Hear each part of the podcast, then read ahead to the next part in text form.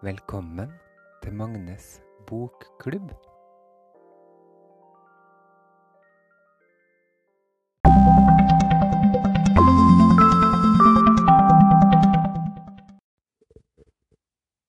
Hei, kjære lytter, og velkommen til lesesirkel. Jeg er veldig glad for at du er her med meg i dag. Jeg må bare advare om at det kan øh, være litt, øh, litt vovet innhold i den podkasten her, så vær forberedt på det. Jeg har lest to avsnitt, eller kapittel, som heter Guttegetto og Jævla soper, jævla ludder. Ja, det setter stemninga, tenker jeg. Yngve har altså da funnet eh, et såkalt sopersted på Majorstua, Fallas kro. Her blir han da introdusert for et miljø med, med homofile. Og det første han eh, da møter der, det er Gud a meg, endelig et mannfolk, og um, veldig knekte håndledd og pudder og sminke, og menn som kaller hverandre damenavn. Og mm, det virker som de har det veldig morsomt, og Yngve kommer med Henny Moan-parodien sin, og og får seg en liten gjeng med, med skruller som han uh, har det morsomt med, da. Samtidig så er det også veldig mye seksuelt uh, fokus, og um, Yngve blir da kjent med en Gunnar, er det vel det, som han blir med hjem og får uh, analbehandling av, holdt jeg på å si. Kan man si det. Ja. Eh, og det gjør fryktelig vondt, og det virker ikke som de har skjønt helt eh, eh, nytten av eh, glidemiddel. Så her er det noen ting å lære òg. nyttig lærdom i denne boka for de som har tenkt litt på, på sånne ting, da. Personlig kjenner jeg at jeg blir litt sånn stressa av alt det her sexfokuset som er i det her eh, gjengen her. Det er litt sånn anmasende og styrete, og det er pissoarer, og det er parker. Og det er sex og sex eh, og sex hele tida. og eh, da tenker jeg tilbake på eh, når jeg skulle på homsepub første gang, og mine forventninger, og hva jeg tenkte om livet. Så jeg anser meg sjøl som en monogam person, da, at jeg ønsker også bare finne meg en, eh, en å dele livet med, og det var det. Og mm, hva er det man sier, da, i kirka på i gode og onde dager, ikke sant, at man er sammen med den ene, og så løser man ting, ordner middag, koser seg, drikker kaffe.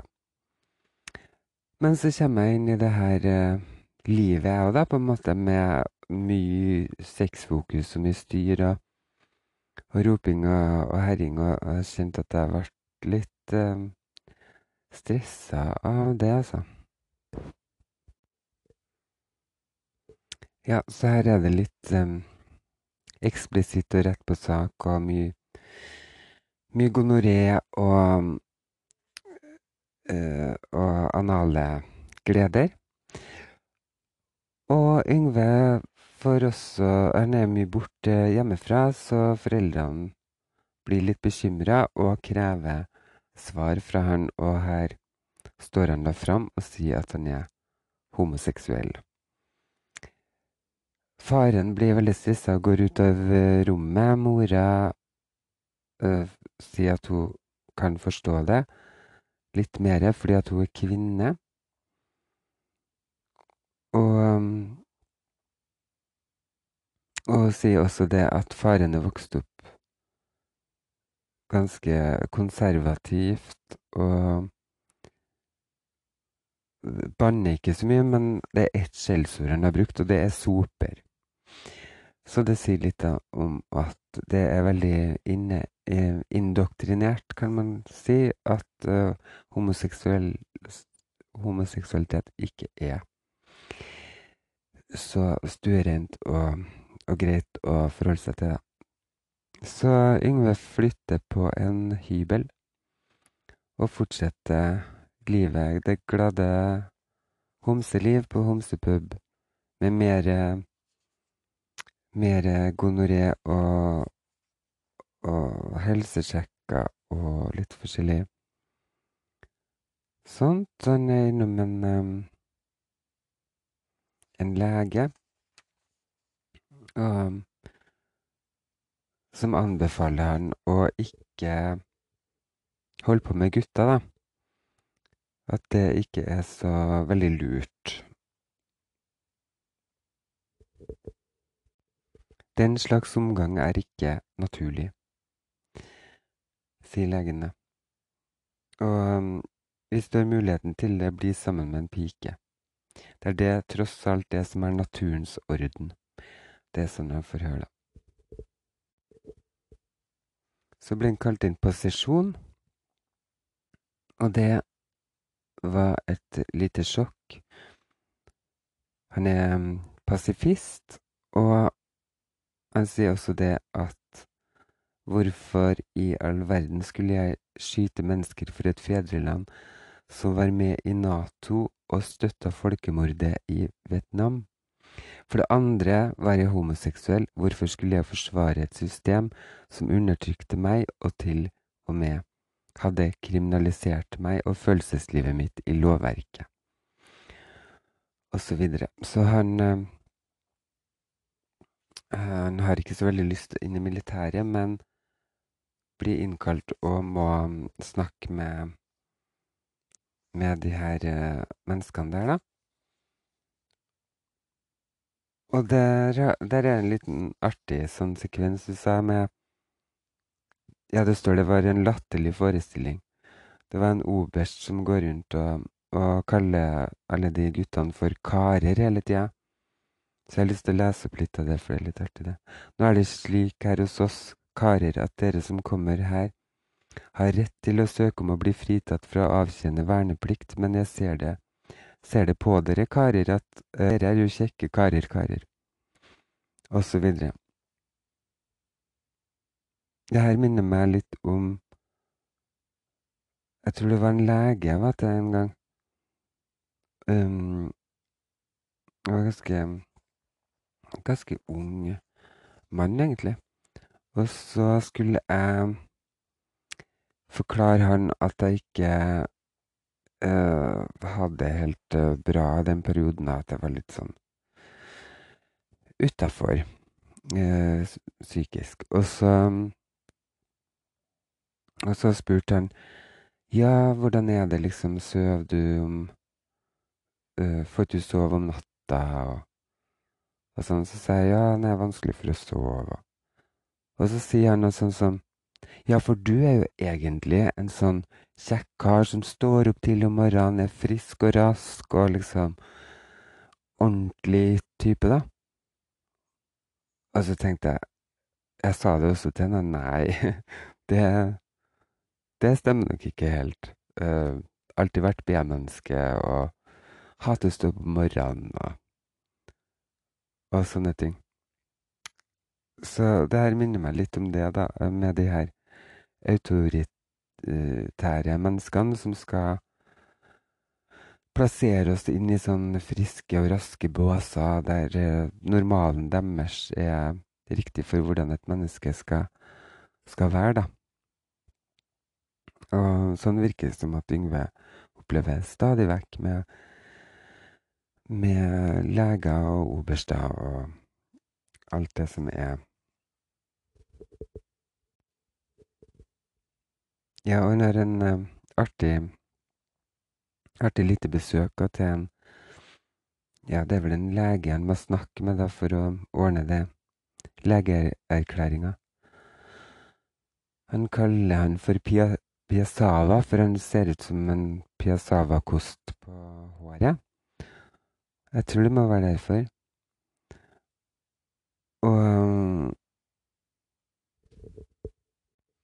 Ja, Yngve sier ja, du er jo lege, og um, jeg er homoseksuell, så jeg vil bli fritatt. Og da sier legen hør jeg det nytter nok ikke, jeg kan jo ikke vite om du snakker sant, sier han. Hvor da Yngve sier ja, men skal jeg være nødt til å bevise det, da? Og så blir han stressa og svette og eh, ja, skjønner alvoret. Og, så, og da sier Yngve at han ble ikke sint, han legen, han ble redd. Og det, det er jo litt interessant. Hva ble han egentlig redd for? Og så finner han et bilde av en dame opp ned. Det lurer jeg også litt på. Hvorfor det? Og det spekulerer Yngve på. Og er det her en slags test? At om det er noen som påpeker det, eller later som ingenting? Ja, et opp-ned-bilde av en dame. Og når han går derfra, så sier uh, Yngve peker, eller kikker på plakaten og sier det er kanskje damene er kanskje best sånn. Altså opp ned.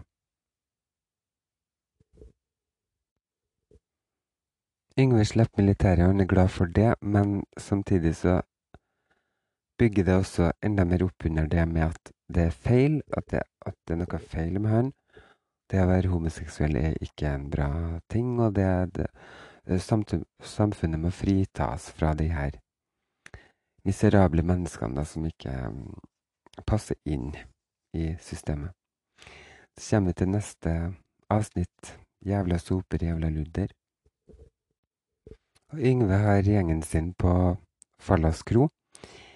Men så er det en gjeng som kaller seg for Ungdomspatruljen, som begynner å herje rundt i områdene der rundt den kroa og parkene og pissoarene og sånn, og leter etter homofile som de kan banke.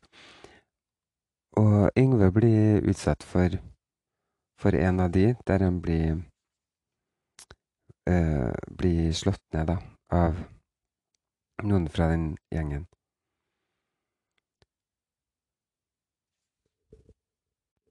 Han prøver å anmelde det, men der også møter han motstand nok en gang fra autoritetene, og får eh, nye velmenende råd om at han ikke burde eh, burde holde på med, med gutta. Dårlig idé, syns uh, onkel politi. Men så er det litt søtt at han uh, stikker innom jobben sin da, til de her mennene der. Og han klarer jo ikke å si ting som det er, at han er homofil og alt det her, men, men han sier at han har blitt slått ned av noen da, som skulle ta pengene hans. Og da støtter de opp uh, rundt den, de guttene, og sier at de skulle ha vært der for han og, og banka de opp og, og sånn. Da blir Yngve rørt og har en følelse av at han i hvert fall har venner, da, noen som vil han uh, vel. Så det er fint.